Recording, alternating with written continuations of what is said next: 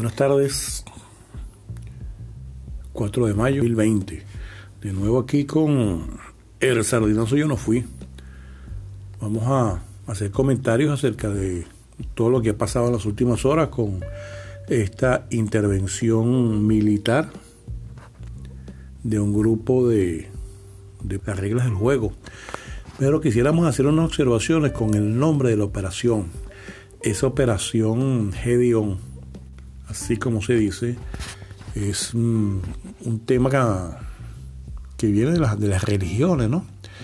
Este señor Gedeón es un juez guerrero que se enfrentó a los madianitas 1140 años antes de Cristo, ¿no? Gedeón era algo así como el quinto juez de Israel.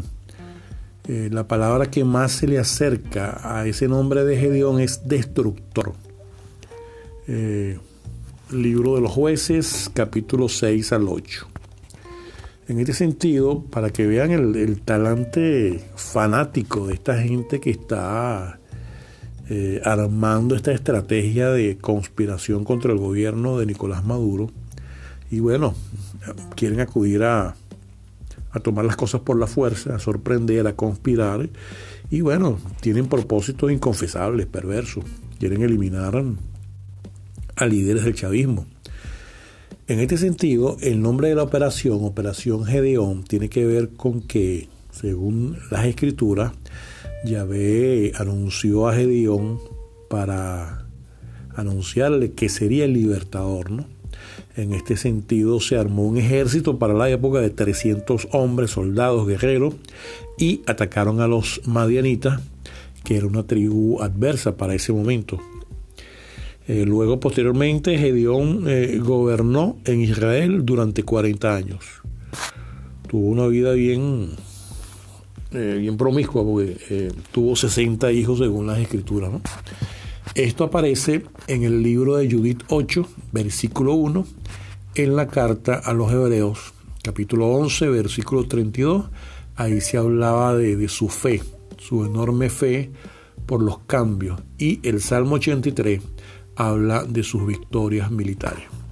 Queríamos hacer esta eh, aclaración para explicarle a los usuarios de las redes sociales de qué se trata toda esta operación militar. ¿no?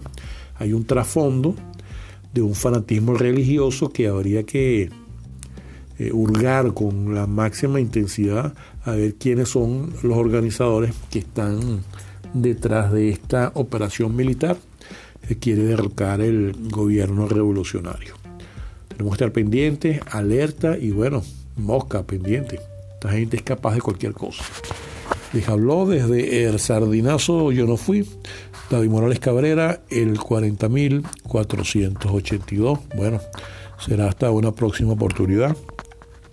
Son las 6 y 7 de la tarde del día de hoy, 4 de mayo del 2020. Y bueno, sigamos preservando la vida ante los ataques de los enemigos y sobre todo cuidemos la salud ante la pandemia del COVID-19, que no podemos descuidarla. Pasen feliz tarde.